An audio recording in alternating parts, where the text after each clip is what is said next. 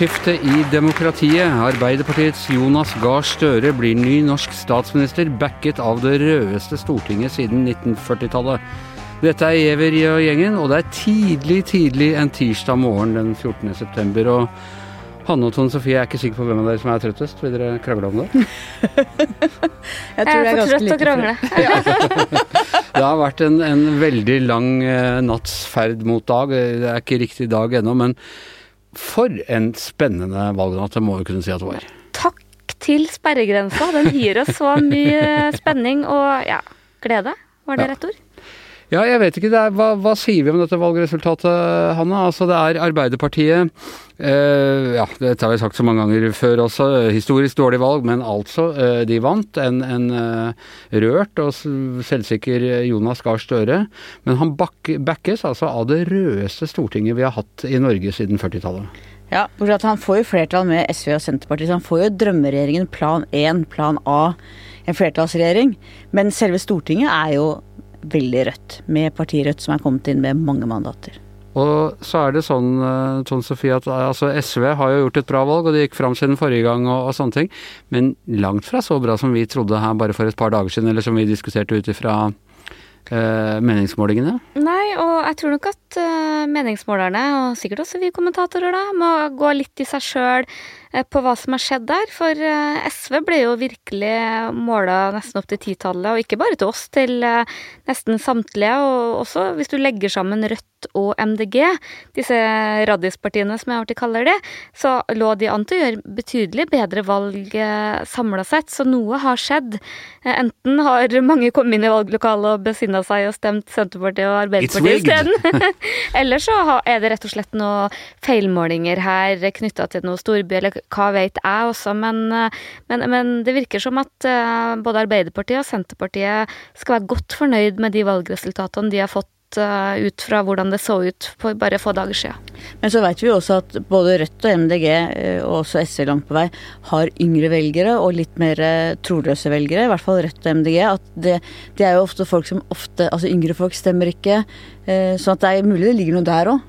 Har vi hørt noe valgoppslutning?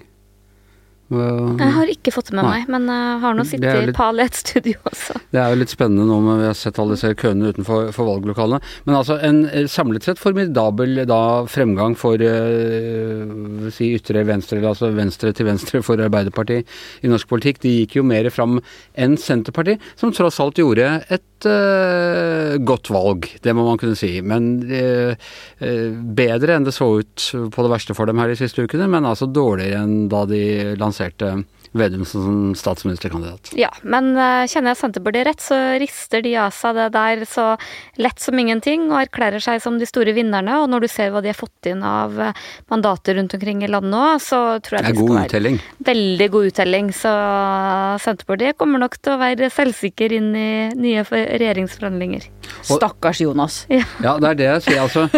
Og dette må jeg bare Altså, vi, vi vet at Jens Stoltenberg brukte det aller meste av sin kapasitet på å holde den regjeringen samlet, som da var et mye mer venstrevridd, om vi kan kalle det det, Senterparti enn det vi har i dag, eh, og eh, SV.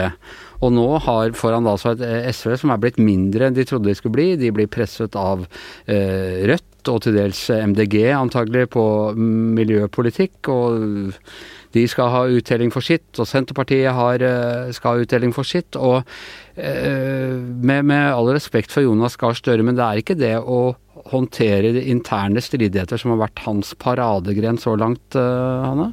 På ingen måte. Det har vi sett i alle stridighetene i Arbeiderpartiet. Og husk at sist, i 2005, så var jo Arbeiderpartiet dobbelt så store som de to andre til sammen. Nå er det et helt annet styrkeforhold.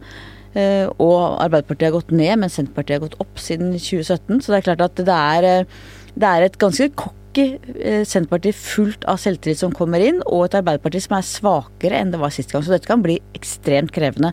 Og eh, er, altså Senterpartiet er antagelig et av de vanskeligste partiene å forhandle med. De skal stå veldig tidlig opp om morgenen for å møte dem. Og i tillegg så et uh, langt mer selvbevisst SV, som uh, i motsetning til det SV i 2005, som uh, ville inn i regjering og aksepterte det meste, så tror jeg nok at det her er et SV som ikke kommer til å kompromisse på samme måte og mye tydeligere på hva de egentlig vil. Men vil Senterpartiet regjere med dem? Ja, det er jo det store spørsmålet, da. Jeg merka meg at allerede i kveld så var jo nestleder Anne Beate Tvinnerem ute og sa at de har ikke lukka noen dører. Nei, det hadde de aldri sagt. Nei, det har de aldri sagt. Og de er jo mestere i å, å gjøre som reven og ha alle utganger eh, åpne. Og jeg tror nok at eh, det det meste kommer til å handle om de neste dagene og ukene, er jo forholdet mellom SV og Senterpartiet. Jeg pratet med Høyre-folk. Høyre er en av de store taperne. Eh, de gjorde det også liksom dårligere enn de hadde håpet i forhold til eh, denne 20-grensen. Og der kommer det til å bli mye fokus, tror jeg, på eh, det Sylvi Listhaug kaller de, de sosialistiske venstreradikale. Klimafanatikerne. Eh, og kommunistene. Klimafanatikerne. Så det skal jo bli en ganske hard opposisjon eh, derfra også.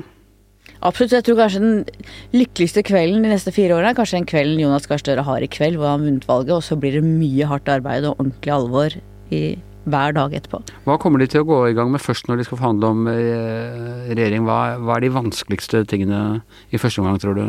Klima er vel uh, uten tvil den vanskeligste saken, og der blir det jo litt sånn to mot én nå, uh, hvor uh, SV kommer til å ha mye sterkere krav, vil jeg tenke, men pengebruk vil jo være kjempekrevende, og Eh, naturforvaltning er et sånn klassisk eh, problemfelt mellom Senterpartiet og SV. Og, og, så er jo spørsmålet hvor langt skal man gå i reversering av reformer og veldig mye av det. Ja, for det er en del som skal tilbakestilles òg. Det er mye som skal inn i den tannkremtuben. og eh, kommer, kommer, Jonas til å gjøre det både Jens Stoltenberg og Erna Solberg gjør, nemlig å la partneren få Finansdepartementet og dermed binde dem til masten? Det virker i hvert fall til å være et uh, smart grep, da. Så... Men vil de det? Vil Vedum nå sitte i Finansdepartementet? Nei, jeg må jo si jeg har veldig vanskeligheter for å se for meg Trygve som uh, finansminister. Samtidig så um, Det er jo litt når vi har snakket om at han ikke har virka så veldig statsministeraktig, så er jo det fordi han har spilt en rolle som er litt sånn glad og, og lett uh, opposisjonspolitiker. Han er jo helt åpenbart godt kvalifisert til å gjøre den jobben. Han er en særdeles smart og diplomatisk erfaren eh, politiker som vil klare jobben. Det er mer om de ser seg tjent med å ha den posten. Hva tror du, Anna? Mitt gjett har hele tiden vært at det er Marit Arnstad som blir finansminister. At Senterpartiet får den jobben. De har hatt den flere ganger før. Eh, men at Trygve Slagsvold Vedum eh, ser at både Kristin Halvorsen, da hun var SV-leder og finansminister, og Siv Jensen, da hun var Frp-leder og finansminister, at de blir slukt av byråkratiet i departementet. Finansministerrollen blir viktigere enn partilederrollen. Så jeg tror nok at Senterpartiet kanskje ønsker seg den, men at det ikke er Slagsvold Vedum selv som skal ha den. To ord om Rødt. Altså Det er en formidabel valgseier. Eh, et parti som har vært nærmest en sekt og vært inne jeg husker ikke, noen perioder med, med, med en mandat og sånne ting. Nå, uh, Bjørnar Moxnes har altså ledet denne flokken fram til å bli større enn Kristelig Folkeparti, større enn Venstre.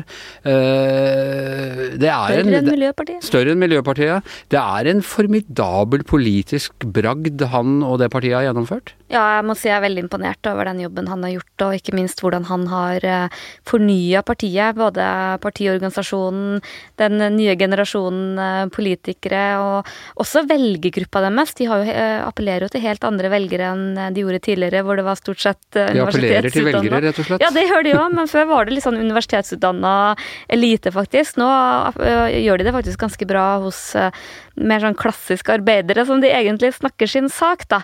Og jeg tror nok at om de ikke får innflytelse på Stortinget, så kommer de definitivt til å merkes. For eh, man merker bare hvor mye Bjørnar Moxnes har eh, gjort ut av sitt ene. Nå får han inn Mimi Kristiansson, Sofie Marhaug, mange unge, eh, friske profiler som har mye de har lyst til å, å, si. Så det kan bli ganske så krevende for Støre, og ikke minst for Lysbakken framover. Men det er jo også i en posisjon hvor Støre ikke trenger å høre på dem. Altså det kan jo bli som Anders Aune i sin tid fra Finnmarkslista, altså en sånn som ikke er på vippen eller noe, og ikke har en reell politisk innflytelse?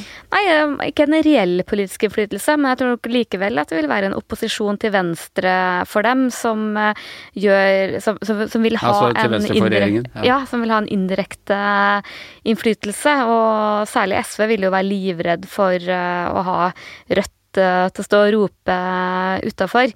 Så jeg, jeg, tror nok ikke at det blir en veldig enkel jobb for uh, regjeringa, sjøl om de har flertall. Så har de Rødt du har et MDG som tross alt har tredobla seg og får inn tre ganske markante grønne politikere. Du har et særdeles rutinert eh, Høyre som eh, har mange dyktige profiler som nok kommer til å gjøre det de kan og vil etter hvert for å gjøre livet surt for, eh, for Jonas og co. Og ikke minst så har du Sylvi Listhaug. Og jeg tror liksom jobben hennes med å gjenreise Frp starter i morgen. Ja, han er du redd for at Rødt skal starte kollektivisering av landbruket og storme Vinterpalasset? Så lenge ikke de får flertall i Norge, så tror jeg vi skal klare oss bra. Men vi skal ikke glemme hva slags parti det er, og hva de har i programmet sitt. Av kommunisme, det er fortsatt et revolusjonært parti, vil avskaffe kapitalismen. Eh, jeg syns kanskje ikke at vi har gitt dem eh, nok kritisk søkelys gjennom valgkampen. Jeg syns du har gitt dem nok eh, kritisk søkelys, Hanna. Så hvis ikke du trenger å ha dårlig samvittighet her. Det blir, det blir, veldig spennende med dem. Vi må ta, vi må ta litt på den andre sida også. Altså, Frp har gjort et av sine dårligste valg på lenge, men tross alt så føler jeg liksom at Sylvi Listhaug er litt uh, valgkampens vinner òg. Hun tok den derre oljesaken uh, siste uka og bare løp med den ballen og har altså klart å jekke seg opp en 2-3% i hvert fall hvis vi skal tro de målingene vi, vi så den siste tida. Ja, jeg vil si at Frp er eh, en av eh, valgkampens eh, positive overraskelser, om jeg kan bruke et sånt fortegn. For mange hadde jo dømt Frp nord og ned, og allerede sagt at Sylvi Listhaug var en fiasko som ny partileder.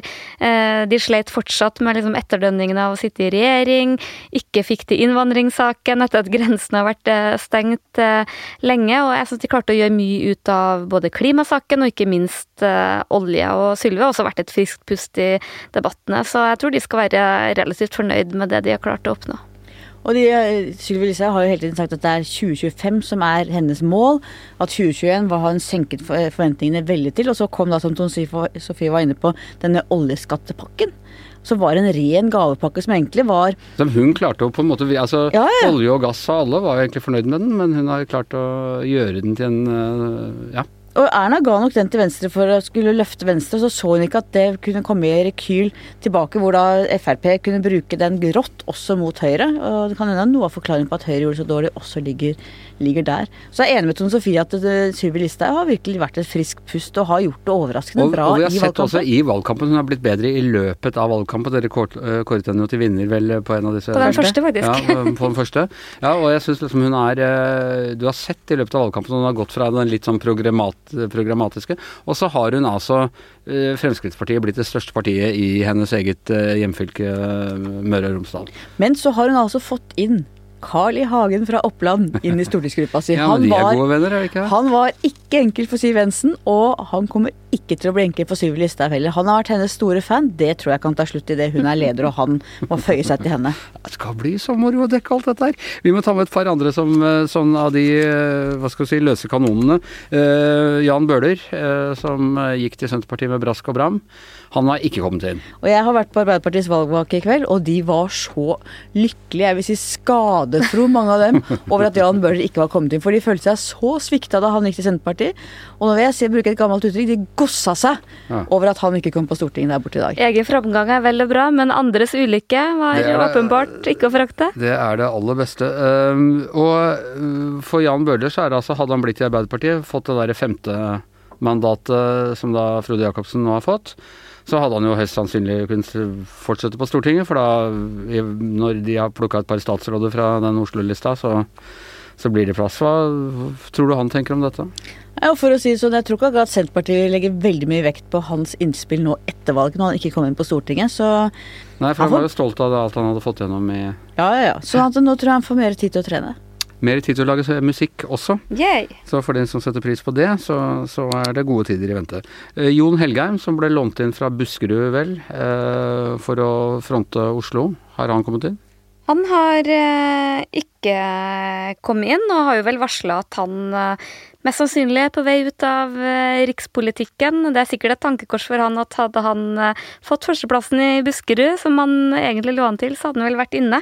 Så må jeg bare korrigere ørlite grann. Frode Jacobsens femte mandat er vel ikke inne per i dag, men, jo, men hvis, altså, det ordner seg nok for Frode Jacobsen uh, uansett. Ja, men jeg vet ikke hva Jonas ble statsminister, ja. og så går jeg ut fra at Espen Barth Eide får en regjeringa, så Det tror jeg det kan være ganske Det ordner seg foran. Ja.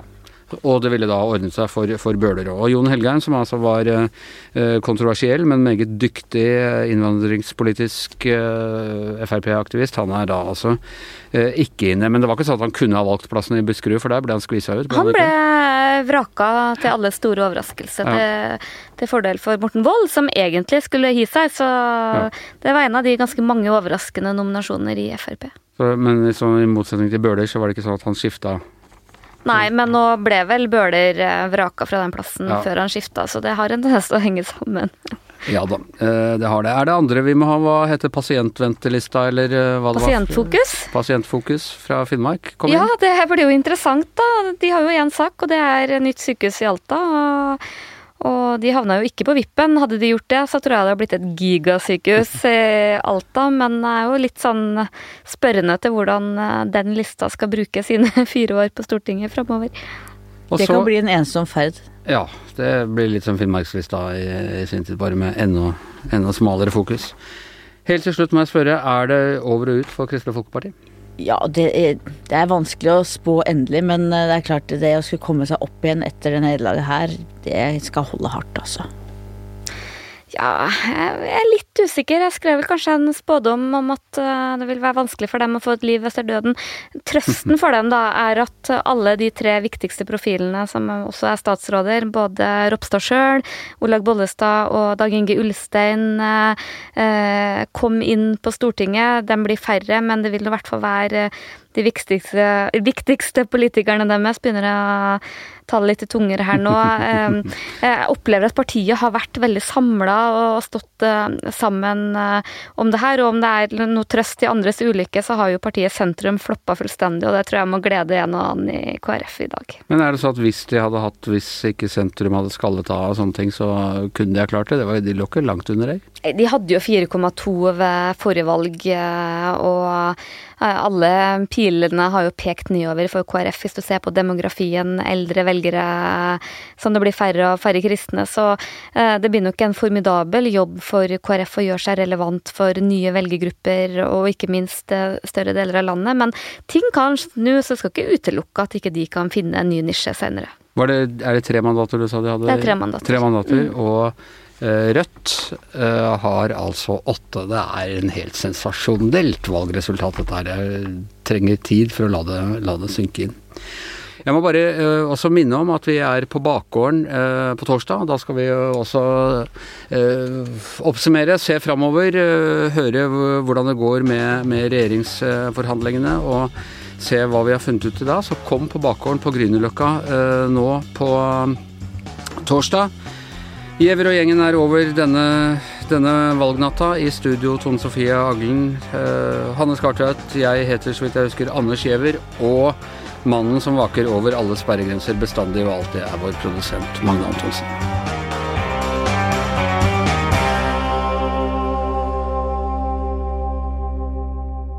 Du har hørt en podkast fra VG.